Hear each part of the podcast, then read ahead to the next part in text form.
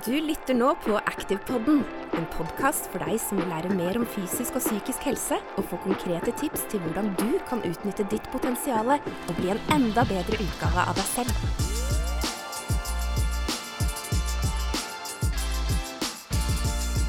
Hei og velkommen til Active-podden. Mitt navn er Robert Brankovic.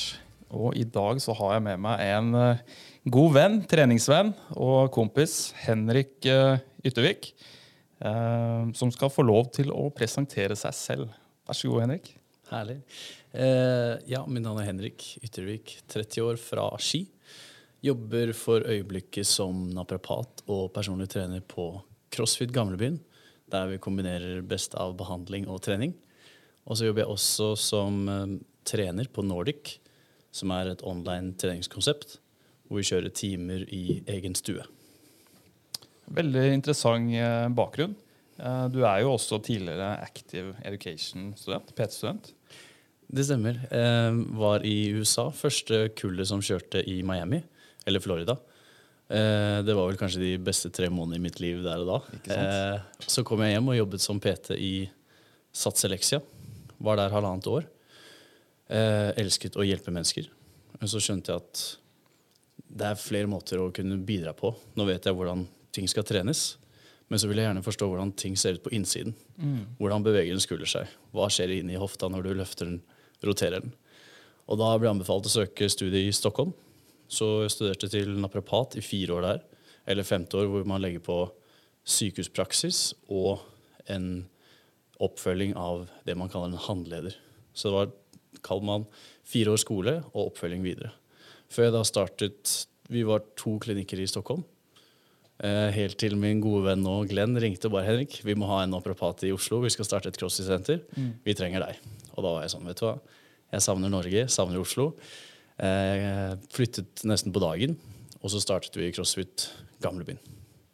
Så der er jeg nå. Eh, Vi skal faktisk eh, ekspandere der også, så vi har fått inn to nye kollegaer. To kvinner, en naprapat til, Helle, og en osteopat, Katinka. Hvor vi nå bygger nye lokaler, sånn at det blir supersatsing på mer behandling der også. Kult. Det er jo Gamlebyen som er the place to be. akkurat, akkurat. Ja. Du, jeg har jo invitert deg til å kunne snakke om et uh, veldig interessant uh, tema, og et uh, tema jeg har forstått at du også brenner veldig for. Det er jo da fysisk og psykisk stress. Yes. Og da tenker jeg, da kan jeg kaste ballen over til deg igjen. Hva er det du legger i fysisk og psykisk stress? Du skal bryte deg litt ned. Ja. Um, vi er nok veldig kjent med det fysiske stresset. Og bare for å ta det først, så vil man liksom gå tilbake til evolusjonen, hvordan vi er skapt. På mange millioner år så er vår fysiologi ganske lik, men vår verden har forandret seg. Men tidligere så da levde vi og kunne plutselig bli jagd etter av en tiger. Og da er stress et veldig fint system på å sette i gang hjertet for eksempel, til å pumpe masse blod ut i musklene, sånn at vi kan løpe raskest mulig fra dette dyret. Eh, Det blir også fordel å ikke blø i hjel om vi skulle bli spist opp. så Derfor får vi tykkere, eller blodet koagulerer, sånn at vi ikke blør i hjel om vi skulle bli latt, forlatt her etter å ha blitt spist opp. Eh, samtidig så produserer vi giftstoffer, eller stresskjemikalier, i blodet, som gjør at vi kanskje ikke er såpass attraktive for dette tigerdyret, men eh, også en overlevelsesinstinkt for kroppen. Så dette gjør jo at stress kortsiktig er vi lært å liksom enten flykte eller krige på stedet. Og det er kanskje noe dere lærer på skolen også, om de to systemene sympaticus, stress oppregulerende systemet, og den motsatte, nedregulerende systemet, parasympaticus. Ja. Og stresset her er da kjempeviktig i korte, effektive seanser. Superbra system. Men så er problemet da hvis vi ikke klarer å skru av dette stresset, sånn at vi opprettholder den stresskjemikalene i kroppen. Og det er dette vi kaller da kronisk stress, som leder til en mengde og en rekke sykdommer. Og det jeg syns er viktig med det her, er å kunne lære å regulere kroppen, sånn at når faren er over, eller det vi har holdt på med, klare å skru av eller stenge dette stressystemet over til mer avslappet. Sånn at vi vet at nå er det ikke tigeren rundt oss, vi kan slappe av. I dagens samfunn så har vi kanskje ikke en tiger som løper etter oss, men vi har en sjef som står og skriker. Vi har arbeidsoppgaver vi skal få gjort. Kanskje noen studerer. Vi skal ha eksamen. Eh, alt fra å finne parkeringsplass. Det er hele tiden stressmomenter som vi møter på. Og der er det også viktig at når vi er ferdig med det momentet som skaper den stressen, så må vi også kunne regulere ned systemet at nå er vi ferdig. Og det er det jeg liker å lære eller jobbe med mine pasienter, kunder, om. Å regulere kroppen. Og da har vi flere måter å jobbe med kroppen for å regulere disse systemene. Ja, vi skal jo komme litt inn på det. Nå har du jo ramsa opp eh, veldig mye da, på, på kort tid her. Men eh, du var jo så vidt eh, inne på hva som skjer i kroppen eh, når man blir, blir stressa. Men eh, Og så snakker du om eh, det å regulere spenningen eller stresset. Eh, når er det, eller Hva tenker du er fornuftig altså Hvordan skal man kjenne sjøl at nå er jeg stressa, eller nå må jeg liksom ta litt tak? eller eh, ja, De tingene der. da, Og kanskje få, få litt innsikt på ja, eh, det å regulere og få litt bedre balanse. da. Hva, hva, tenker du om det? Eh, for det første kan vi jo si at vi alle stresser. Mm. Og stress er kjempebra. Men så er det bare å kunne vite at hvis vi da går over en lengre periode med det her, så må vi enten få hjelp med verktøy eller gjøre noe med hverdagen, sånn at vi ikke blir like mye stresset eller bevarer dette stresset i kroppen. Eh, så det du spør om, er hvordan skal vi kanskje kjenne etter dette her? Ja. er jo eh, mange ulike symptomer som kommer av langvarig stress, som kan påvirke kost. Altså om vi har en sult, eller om vi har en craving for sukker. Det kan påvirke om vi sovner med en gang eller ikke. Det påvirker hvis vi eh, har eh, kortere temperament, f.eks. Så det er mange ulike faktorer som påvirker i hverdagen vår på hvordan kroppen eh, håndterer stresset vårt. Og Hvis vi da har gått over en lengre periode, så blir kanskje lunten litt kortere, og vi reagerer litt raskere. Mm. Og Det er akkurat derfor vi jobber med det motsatte. Hvordan skal vi klare å regulere det her, så lunten enten blir lengre, eller ikke vi responderer like lett på enten sykdommer eller andre situasjoner som oppstår. Ja. Vi, vi skiller jo eh, også sånn innledningsvis der, altså nevner jo flere ting. Men eh, vi har jo den fysiske og psykiske. Eh, hvis vi skal bryte det litt mer ned, da. Vi kan jo starte da med det fysiske. Hvordan man kjenner etter klare symptomer eller ja, ting, ting, man kan se etter. da. Mm. Hvis du bygger bare litt videre på det du allerede var på, hva er det som hva er det som skiller de to sånn primært, da, fysiske og psykiske stresset? Sånt rent fysiologisk så er det ganske likt. Mm. Men det er ut ifra hva slags hendelse som skjer rundt oss, som mm, altså setter i definisjon fysisk eller mentalt. Så eh, fysisk er vi da kanskje mer kjent med. Vi løper, vi skal rekke noe. Vi bruker kroppen på en måte som skaper den prosessen vi snakket om tidligere da vi løp fra tigeren, som er et kjempefint system. Men så har vi også den mentale, eh, hvor vi kanskje skal bruke ord som uro, frykt eller angst, som er veldig typiske, ganske sterke momenter som på, påvirker det mentale stresset mer. Og dette da, Hvis du hele tiden går med en uro, går med en angst eller våkner opp på midt, midt, på natten av en eh, panikk, eller hva det skal være for noe, så setter disse systemene ganske i gang i kroppen veldig likt som det skulle vært et fysisk eh, stress. Mm. Og det er det vi kanskje begynner å forstå nå, litt mer sånn allmennkunnskap. Å ja, vi har en effekt på kroppen med det vi stresser med også. Og da kan du se for deg eksempelet hvis du våkner opp midt på natten av et mareritt. Du har høy puls, du svetter, og du kjenner at du er i drømmen din. Men ingenting har skjedd. Ingenting fysisk, men det vi har skapt så sterkt i vårt bilde, påvirker vår fysiologi også. Utrolig spennende. Er det Eller stresser vi mer enn nå enn tidligere. Du nevner jo det også innledningsvis. Eh, vi har jo flere ting som henger over oss, og kanskje familie, trening, eh, jobb, eh, parkering, you name it. Men ser du noen klare tegn til at folk stresser i, i, den jobben du er i? Altså når de kommer til deg og skal eventuelt behandles eller ja, mm. de tingene der? Både ja og nei. fordi eh, som sagt, stress er et veldig bra system i kroppen. Og jeg tror ikke man kanskje stresset mindre eh, når man ikke hadde tak over hodet, eller si at man er i en helt annen livsstilssituasjon. Men det er hvordan vi håndterer det, eller hvordan vi skrur det av i løpet av dagen. Og det er de eh, pasientene som ofte jeg møter på, er jeg klarer ikke å liksom skru av kroppen på slutten av dagen. For jeg har vært så i gang hele tiden. Enten så bare sovner de inn, altså de nesten svimer av når de legger seg på puta, eller så vet de ikke helt hvordan de skal roe seg ned. Og det er kanskje ikke derfor mindre eller mer stress, men det er vanskeligere å kunne regulere det. Og det er her det er disse verktøyene jeg syns er veldig interessante, som trening. Lære å tåle mer belastning, tåle mer stress på kroppen. Og så har du andre metoder som pusteteknikker, som kan lære kroppen at vet du hva, det fins ikke en tiger ved siden av deg. Vi kan roe oss ned. Vi puster dypt gjennom magen. Så hvordan vi kan styre fysiologien vår gjennom ulike verktøy, er det jeg gjerne vil vise mine pasienter. Kan eh, stress være altså, positivt, da? I den forstand? Ja, for jeg syns stress har fått et veldig dårlig navn. Stress forbinder vi ofte med noe negativt. Å nei, det er stress. Ja. Riktig. Og det, det, kan det ofte være også. Å nei, jeg må gjøre dette. Eh, og da kanskje er det ikke lystbetont. Men stress som trening er kjempegøy, i hvert fall for noen. Mm. Men det påfører så mye stress på kroppen at du bryter ned kroppen og må du hvile for å komme deg tilbake igjen. Og det er derfor Hvis vi ser på stress som en positiv reaksjon i kroppen, kortsiktig, men langsiktig, så vil vi gjerne prøve å påvirke dette stresset.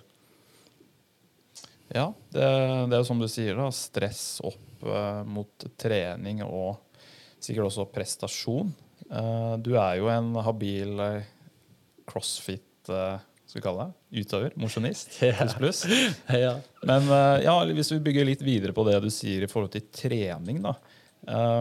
hvordan, vil du, hvordan vil du si at stress inn mot trening kan være både positivt og negativt? Og da tenker jeg kanskje inn mot restitusjon og ja, litt på sånn totalbelastning kanskje også. Da. For det er jo ikke til å legge skjul på at det å trene har selvfølgelig mange fysiologiske og psykologiske positive effekter. Men selvfølgelig hvis man ikke får trent en periode, sånn som det har vært i korona i Oslo, at ting er stengt, og man kanskje stresser og at man ikke får trent, ikke sant? Mm. Uh, ja, hvordan, hvordan ja, påvirker det kroppen, rett og slett? Jo, her har vi tre timers uh, studie, i hvert fall. Ja. Eh, hvis vi skal begynne å snakke om effekten av trening, så kommer vi oss nesten ikke av gårde. Men vi kan prøve å oppsummere det litt enkelt. Og det er vel kanskje den eh, totalbelastningen som vi kan starte med å se på. At eh, noen tåler eh, å trene ganske hardt. og deretter hvile, sånn at man orker å restituere seg tilbake til neste trening igjen. Mm. Men hvis dette da blir for mye over en lang tid, så klarer ikke kroppen å hente seg inn igjen, og vi opplever enten skader, vi opplever overbelastningsrelaterte symptomer eller sykdom. Og så kommer vi over til eh, helseeffektene av trening, som er da at ved trening så styrker vi hjertet. Vi skaper flere kapillærer. Og da syns jeg det er et veldig godt bilde som noen eh, snakker om. Se for deg en T-bane. Mm. Og hvis det er fullt på T-banen, altså hele T-banen er fullt opp, men så har du bare to dører hvor disse kan gå ut igjennom fordi kroppen kanskje er utrent, så de har kanskje disse to kapillærene å se gjennom, så tar det veldig lang tid før ting blir sendt gjennom. Men fordelen med trening er at du øker da kapillærene, altså disse blodårene, tynne, tynne små utover kroppen, sånn at de kan raskere sende ut nytt blod, ny oksygen til muskulaturen. Sånn at man orker også mer. Og det er det her, altså min største passion, trening. Vi har så mange helseeffekter å jobbe med. Og så kan du spisse det helt til andre siden, som er da prestasjon, performance eller sport. Kanskje ikke alltid helsefremkallende, men da handler det om å liksom yte mest mulig på trening. Men for eh, mann i gata, om vi skal bruke de ordene, så har man så store helseeffekter ved å kunne pushe kroppen til en ytterste sone. Det er nesten vi trener hjertet til å få et hjerteinfarkt. Sånn at når vi havner i disse stressende situasjonene, så vet kroppen her har jeg vært før, dette går bra, vi kan gå videre det roer seg. Mm. Så som nå, nå sitter jo vi og prater løst og ledig, men eh, føler du at uh, dette er en stressende situasjon? Uh, innledningsvis så er det nok det, fordi jeg vil jo si det å skulle ha sagt noe som du alle kan trekke tilbake, som havner et eller annet sted på internett, det er nok en litt stressende situasjon. Ja. Uh, men når du først begynner å spørre meg der, så bruser jeg over av entusiasme, fordi det er kanskje det her jeg brenner mest for. Forstå hvordan kroppen fungerer. Og det er derfor jeg ville også flytte til Stockholm, for da forstår du litt mer på innsiden, fysiologien. Og nå står jeg der bare sånn Ja, men jeg vet ingenting om hvordan hjernen fungerer. Hjernen er det som skal styre denne kroppen. Så det fortsetter veldig mye i den psykologien og hvordan hjernen produserer ulike kjemikalier til å passe på kroppen, opp eller nedregulere systemene. Ja. Du var jo litt inne på det med, med verktøy og det å regulere spenningen og stresset. Uh, kan vi ikke gå, gå, litt inn på det, da? Uh, hvis, du, hvis du har noen situasjoner som du selv har dukket opp i, hvor du tenker det her er, uh, her er jeg litt usikker, her er jeg kanskje kommet i en litt ukomfortabel situasjon. hvilke verktøy har du tatt i bruk da, som du klarer selv å regulere? og uavhengig av din egen erfaring, sånn generelt også, da, hvilke verktøy er det vi kan eventuelt bruke for å ja, håndtere oss, eller håndtere i en stressende situasjon? Da. Ja. Det er et veldig godt spørsmål, fordi alle har sin måte å håndtere stress på. Noen drar på hytta, noen tar en skitur, noen går en tur med hunden. Altså, Vi har ulike måter å kanskje avslutte dagen på, eller roe ned kroppen på. Mm. Men så er det ikke alltid du har råd eller tid til å dra på hytta. Eller det er ikke akkurat nå jeg kan gå tur med hunden. Og da er det noen verktøy som vi kan gjøre akkurat her og nå. Og det er f.eks. pusten vår. Ved å puste inn så øker vi eh, hjertets frekvens. Og når vi puster ut, så senker vi hjertets frekvens. Så det f.eks. å puste inn, men puste lengre ut, gjør at vi da senker hjertens, hjertets rytme. Så da er du i en stressende situasjon hvor du kjenner at oi, nå er jeg faktisk fysisk stresset. Så er det verktøy som å hyperventilere innover, men kanskje sakte puste ut. Så da får du en dobbeltpust inn, ut. Og det er også for hvordan lungene fungerer. De fungerer som en ballong. Hvis du noen gang har blåst opp en ballong, så vet du at du alltid må og så neste blåse den opp også. Sånn er det på innsiden av våre lunger også. at Når vi puster inn, så får du et enda større inntak når vi puster inn andre gangen. Så derfor hvis du tips hvis du opplever en stressende situasjon bare, Oi, nå kjenner jeg at det stresser i hele kroppen min. Kan du gjøre to pust inn. Ut. Og dette er da eh, Jeg er superfan av en som heter Andrew Huberman, som snakker veldig flott om hvordan vi kan regulere systemet på under 30 sekunder. Og det er det man ser veldig tydelig nå. Man kanskje snakket om at nei, vi kan ikke regulere fysiologien i kroppen vår. Det ser vi veldig tydelig nå. Gjennom pusten, bare på under et minutt, så kan vi senke blodtrykket i kroppen vår.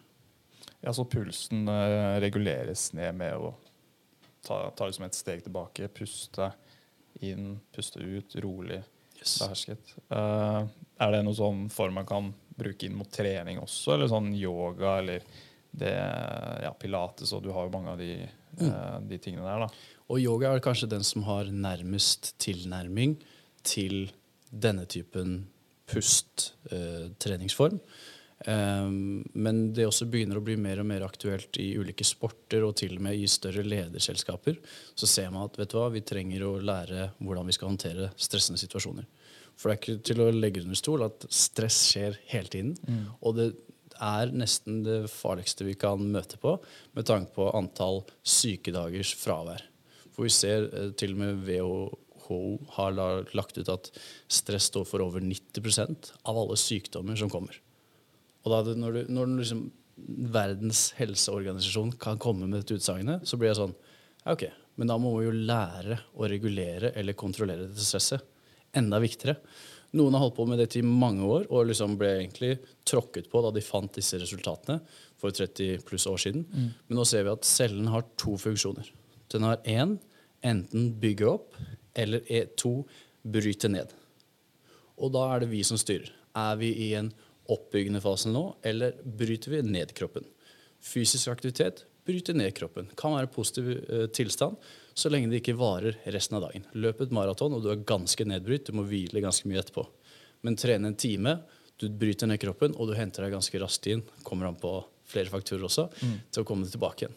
Og så har du da andre ting enn trening, hvordan vi skal bygge opp kroppen, som er det her jeg syns er veldig viktig. For ofte har mennesker trening, altså de som er glad i trening, er deres happy place.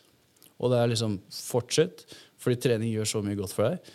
Men så er det den, kanskje en dag du blir skadet, eller er det andre årsaker til at du ikke kommer deg på trening. Hva gjør du da for å tilfredsstille kalle fysiologien din, kjemien, inn i kroppen din? Og det er det jeg også synes er viktig at man har andre verktøy å rette seg til når kanskje ikke trening er mulig. For det er ikke alltid du kan løpe på trening i en stressende situasjon eller ja, der det ikke er mulig. Og da er pusten en av disse, og så fins det litt andre verktøy som man kan se på videre også. Ja, nå, nå er du jo inne på dette med fysisk aktivitet og helse, da. Uh, og Uh, du nevner WHO og uh, ja, at det er en av de største årsakene til sykefravær og uh, ja, er en generell utfordring da, for flere. Um, hva, hva, tenker du om altså helsen generelt og, og stress? da? Hvordan kan vi måle god helse? ja. Ja, Nå spør du midt, midt i det. ja. For det er det her jeg syns er veldig interessant. Hvis det er så tydelig, hvordan skal vi måle det? Og vi har allerede visse måleinstrumenter, så man kan begynne å se på det. Eh, selv så vet jeg at eh, man kan måle hjertets eh, frekvens, eller heart rate variability. Hvordan eh, hjertet slår, og hvordan det hviler gjennom en dag. Og det påvirkes av hvor mye man pusher kroppen, og hvor mye restitusjon man får, f.eks. Så HRV er blitt en veldig eh, enkel metode. som flere verktøy, til og med telefonen din, kan måle, men da må du måle over flere dager. Eller så har du ulike eh, bånd, som Whoop eller andre jeg tror til og med Apple har også fått dette her til å gå til en ja, okay. hverdag. Ja. Sånn at du kan måle hvor mye stress er du faktisk har på kroppen. Hvor god er kroppen på å hente seg inn igjen. Det er en strain, ikke sant? Helt riktig. I ja. Whoop så kaller de det strain. Så her har man ett sett å måle på. Og så er det noen som begynner å snakke om oi, vi kan gjøre en spytteprøve for å se på immunoglobin A, for å se på immunforsvarets styrke. Og da blir jeg sånn Hæ? Nå er vi blitt så rå på disse spytteprøvene. Nå kan vi bare masseprodusere. Kan vi se på hvor sterkt immunforsvaret ditt er i dag ved en spytteprøve? Det her er det jeg har lyst til å fortsette å titte på. Da, sånn at folk elsker svart på hvitt. Hvis jeg kan si til deg at du er stressa, så kan folk si ja, jeg stresser. jeg. Men hvis jeg kan vise at nå må du enten gjøre disse tiltakene, eller du befinner deg i den sonen her, og så vise gjennom en uke eller en måned at ved å ta disse tiltakene, så påvirker du din helse så mye som gjør at du én kan prestere på jobb, prestere hjemme, altså de områdene som du syns er viktig. Mm. Fordi vi som kanskje er veldig interessert i trening, skjønner når kroppen jobber imot oss, men det er ikke alle som har den samme passion for bevegelse eller kropp. Og da er det veldig lett å ha sifre som viser hvordan responderer min kropp i dag? Hvordan er min periode? Hva skjer i livet mitt akkurat nå? Utrolig spennende, altså. Eh, helse er jo på en måte noe vi alle har et forhold til. Eh, og noe jeg la veldig godt merke til første gang når jeg begynte på, på gamlebyen, det var jo det ene skiltet dere har. Livet er for kort til å ha det vondt, ja. Ha det, ja, ikke sant? Eh, så man må jo kanskje ta et ta et tak selv, men kanskje greit å ha noen verktøy å, å spille på. da. Mm. Jeg tenker sånn, sånn bevegelse og, og, bevegelseskvalitet generelt, da.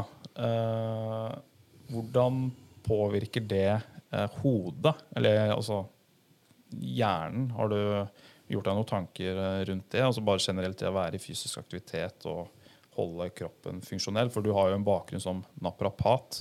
Ja. Ja man, man, kan si det veldig enkelt at uh, trening påvirker humøret ditt. Ja. Og for en som ikke trener, så kan du tenke nei, det gjør det ikke, det er bare vondt. Og det har jeg erfart selv også. Jeg var ute og reiste eh, i to måneder, og jeg tror vi festet hver dag. Mm. Og så skulle jeg begynne å trene igjen. Jeg holdt på å kaste opp hele uka, første uka. Det var forferdelig. Så jeg har kjemperespekt for folk som liksom syns det er vanskelig å begynne å trene. For det er skikkelig vanskelig å snu den vanen. Og så er det jo spørsmål på hvor hardt man starter, eller hva man sammenligner seg med, eller hvor man skal snu den dørstokkmila her. Men vit at over en viss periode fra én til to uker så kan du allerede begynne å kjenne altså du kjenner på helseeffekter tidligere enn det også. Mm. Men det tar en liten stund før det blir en dopamin Altså vi får en belønning bare av å tenke på at vi skal på trening. Det tar et par uker mm. før vi kjenner det før vi går på trening. Og derfor er det lett for folk som har en god rytme, at bare trening gir meg så mye. Og det er jo ikke noe hemmelighet heller hva som skjer av endorfinrus etter treningen, som er et rus. Vi føler oss lykkelige, vi er liksom bobler av ekstase, for vi har gjort noe for kroppen vår. Det var litt tungt, men vi overlevde det, og vi er klare. Ja. Og så kan man gå og titte seg selv i speilet og bare kjenne seg mye sterkere. Det er mange måter å kjenne på en glede på etterpå, men eh, definitivt hvordan vi påvirker hjernen sterkest med Eller vanskelig å si sterkest, men virkelig påvirke humøret med at vi legger inn treningsøkt. Ja. For det er jo alltid verst å komme i gang. Ja. I hvert fall for, sånn som Når vi spiller den podkasten, så er det jo januar 2022. Og vi, nå er det sikkert veldig mange som også skal begynne på trening. Har kanskje begynt på trening eller tenker på å begynne på trening. Um, så kanskje det er stress med at det er veldig mange på treningssenter. Eller nå er det jo korona, så det er jo selvfølgelig noen restriksjoner. Eller kanskje bruker det også som en unnskyldning for å ikke dra på trening. Um, har du noen tips til uh, de som eventuelt prøver å komme i gang med trening? Da? og Kanskje sånn stresse generelt i hverdagen? Og ja, hvordan de skal finne tid til å, å trene? da? Ja. Ofte så si med slike kunder så starter vi med å se på timeplanen. Fordi oftest i teorien en gang så går ikke timeplanen deres opp. De har veldig mange ønsker, og da setter vi opp fra de står opp til de legger seg mandag til søndag, og så ser vi men det her går jo ikke opp i teorien engang. Oi, Og så får man en liten sånn oppvåkning på det. Og da kanskje ser man at vi har kanskje tid til en halvtime her og 20 minutter der. Og så starter vi med det. Og det er derfor folk som kommer til meg på «Hei, jeg vil trene med deg fem ganger i uka. Så sier jeg nei, vi kan starte tre. Fordi å starte for hardt slår feil hver eneste gang. Ja. Og det er derfor man må etter hvert finne den gleden. Og hvis man går ut for hardt, så har man aldri muligheten til å øke igjen. Så jeg prøver først å se på timeplanen. Hvor starter vi? Hvor har vi mulighet til å legge inn trening? Noen er da kanskje hjemme. Nå har du eh, University of YouTube. Der har du fem minutter på hva du vil. Eh, vi i Nordic jobber da med hjemmetrening. Der har vi alt fra barseltrening til 60 pluss morgen, kveld, kettlebell, hva enn du vil. Eh, så det er veldig mulig. Hvis ikke du vil komme teste crossfit, som vi holder på med, hvor du kommer til en instruktør som guider deg gjennom alt du holder på med, så du bare møter opp, slipper å tenke og gjør det du skal. Men jeg, eh, fordelen kan være å finne noen som du kanskje committer deg med. Altså bestemmer at det her skal vi gjennomføre over en viss periode. Og tidligere så har jeg vært litt motstander av sånn seks ukers programmer. Men noen ganger så handler det egentlig om at vi må komme i gang med et eller annet. Istedenfor at de seks ukene går og vi ikke starter med noe, så vil jeg heller anbefale start med det seksukersprogrammet. Og så kan du gjøre opp en ny vurdering etter det. Men bare pass på at du ikke går ut for hardt, og se at det går opp i opp med timeplanen din. Ja, for det er jo ikke sjelden at man eh, har veldig mye motivasjon i starten, og så eh, går man kanskje litt hardt ut, og så møter man eh, kanskje seg sjøl i døra og innser at dette er ikke bærekraftig å, å holde på med. Ja, og da kommer du til meg og har vondt i nakken eller skulderen eller andre steder også. Ja, ikke sant? Og det er jo alltid spesielt å ha noen fagpersoner rundt seg som kan gi veiledning, treningsveiledning. Det jo, altså vi har jo også sikkert noen PT-studenter hos oss som hører på den podkasten her, og de har jo vært gjennom eller du har vært gjennom uh, studiet selv og sikkert kjent på hvordan det er å være student, og eksamen kommer og, og de, de tingene der. Og det ja. Uh, Det stresset som påføres uh, da også, det at man skal prestere på et gitt tidspunkt. For noen kan det også være veldig, veldig som stor overbelastning. Da. Eh, har du, noe, du har vært litt inne på verktøy, men sånn generelt eksamen og det være student, har du noe, noe spesifikt der? Ja, um, Det som jeg tror er veldig viktig, er jo å sette et klokkeslett for når vi skal avslutte. Fordi jeg tror alle har erfart hvis man sitter oppe med noe for lenge Det eneste du drømmer om da, er det du har sittet og lest om eller holdt hodet ditt aktivt med. Og der ser man at man sover kanskje ikke så godt eller like dypt og får den restitusjonen som vi trenger. Og så viser det veldig tydelig at der vi faktisk lærer, er når vi sover. Så hjernen repeterer alt det den har prosessert. Og hvis den ikke får god nok tid eller kommer ned i den dype søvnen, så lærer vi ikke like godt som å sitte hele natta. Så derfor er Sett deg til dere studenter, sett dere klokkeslett. Da er jeg ferdig. Fordi vi fungerer best også når vi har en deadline. Da må alt skje innen den tiden. Og da er vi ferdig, og så må vi finne på et eller annet hyggelig, sånn at vi kan avslutte dagen på en måte at liksom, ok, nå er vi ferdig, prøv å skru av hodet og tenke på noe annet. For hvis du gjør det rett opp til du går og legger deg, så er det lett at vi havner i samme mønster med tankene der. Ja, øh, nå er du jo inne på det med søvn, da, som jeg syns er veldig interessant. Uh, det er søvnrytme, søvnkvalitet, ikke minst. Eh, jeg har jo merket selv til tider at eh, de gangene jeg trener eh, kanskje to ganger om dagen, så går det fort utover restitusjon og søvnkvalitet og søvnvarighet. eh, som igjen påvirker prestasjon. Da. Så det er jo veldig, veldig uheldig. Tenker du om det med mobilbruk, skjermtid og ja, generelt kvalitet på søvn? da, og Oppregulerer det stresshormonene i, i, kroppen? Og ja, hvordan påvirker det også eventuelt negativt? da? Takk for et uh, kort spørsmål. uh, vi kan jo starte med å si at uh, det er ikke noe Altså, hvorfor skal vi bruke en tredjedel av livet vårt på å sove? Mm. Det er en kjempeviktig funksjon, men dessverre så vet vi ikke godt nok, annet enn at vi renser, vi samler inn alle inntrykk fra dagen og restituerer oss på best mulig måte. Altså Hadde søvn vært en kosttilskudd, så hadde det liksom vært det beste du kunne få tak i. Mm. Så hvis du skal velge mellom å trene eller få den ekstra søvnen, så noen ganger så hvis du da er sliten, så lønner det seg kanskje å ta den ekstra timen på øyet. Men så er det også til det du sier liksom blått lys, hva gjør vi på kveldsrutiner? Og her tror jeg vi alle er skyldige at det siste vi gjør, og det første vi gjør når vi våkner, er å finne tak i telefonen vår. Og da kan man sette eksempel på hadde det første du gjorde da du våknet opp, var å finne et glass med øl og drikke det, så hadde du tenkt at men han er en alkoholiker. Det samme er det med telefonen. Vi er konstant avhengig av den, meg selv inkludert. Men har også erfart da i perioder hvordan det er første timen og siste timen i døgnet uten telefon.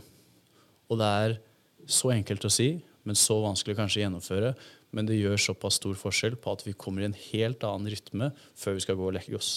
Og det er det blå lyset som Ja, klart vi sovner, men så er spørsmålet hvor raskt kommer vi ned i den dype søvnen. Mm. Og det tror jeg alle kan relatere til i de gangene man har droppet telefonen rett før man går og legger seg, til motsatt.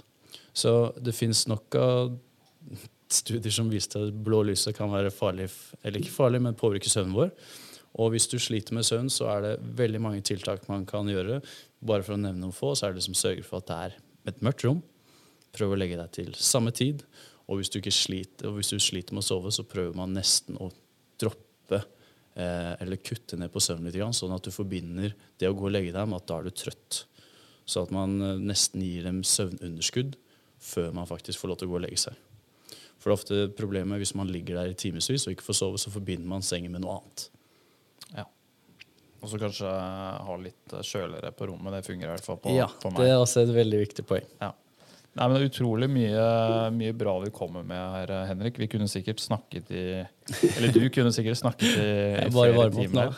Er det noen, noen, andre ting du tenker er viktig å, å legge til her, eller? Uh, vi har jo kommet gjennom ganske mye her, men uh, vi kan uh, stille sånn åpent spørsmål. Åpen Mm, vi. Vi er vel ganske enige om at bevegelse er godt for kroppen. Vi har nevnt litt om pust.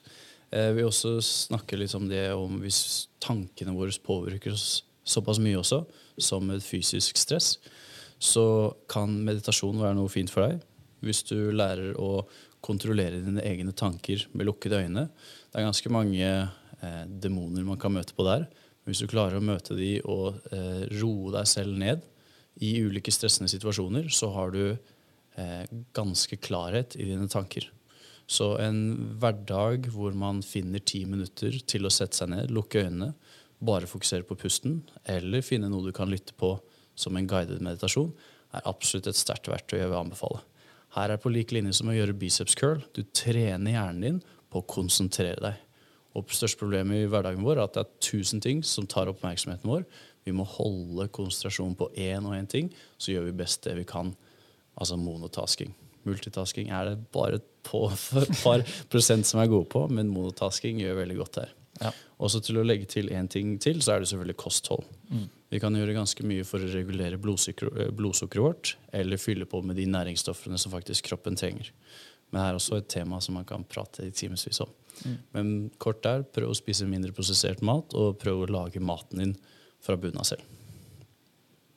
Veldig mange gode tips her, Henrik. Eh, jeg tenker vi avslutter med, med den eh, oppsummeringen der. Eh, tusen takk for at du var med oss i studio i dag. Hvor er det lytterne våre eventuelt kan huke tak i deg? Eh, lettest på Borgata 7, der CrossFit Gamlebyen holder til. Ja, Og sosiale medier? Eh, da er det H Yttervik, eller Hyttervik, som mange tror at jeg heter også. på, på Instagram. Riktig, riktig. Yes. Nei, eh, supert. Eh, takk for at dere hørte på, og så høres vi på neste podkast. Adios. Liker du det du hører? Husk å abonnere i din podkastspiller. Vi setter stor pris på at du gir oss en rating og deler episoden med en venn. Gjennom at vi sammen sprer kunnskap og inspirasjon, bidrar vi til et felles løft for folkehelsen i Norge. Takk for at du bidrar.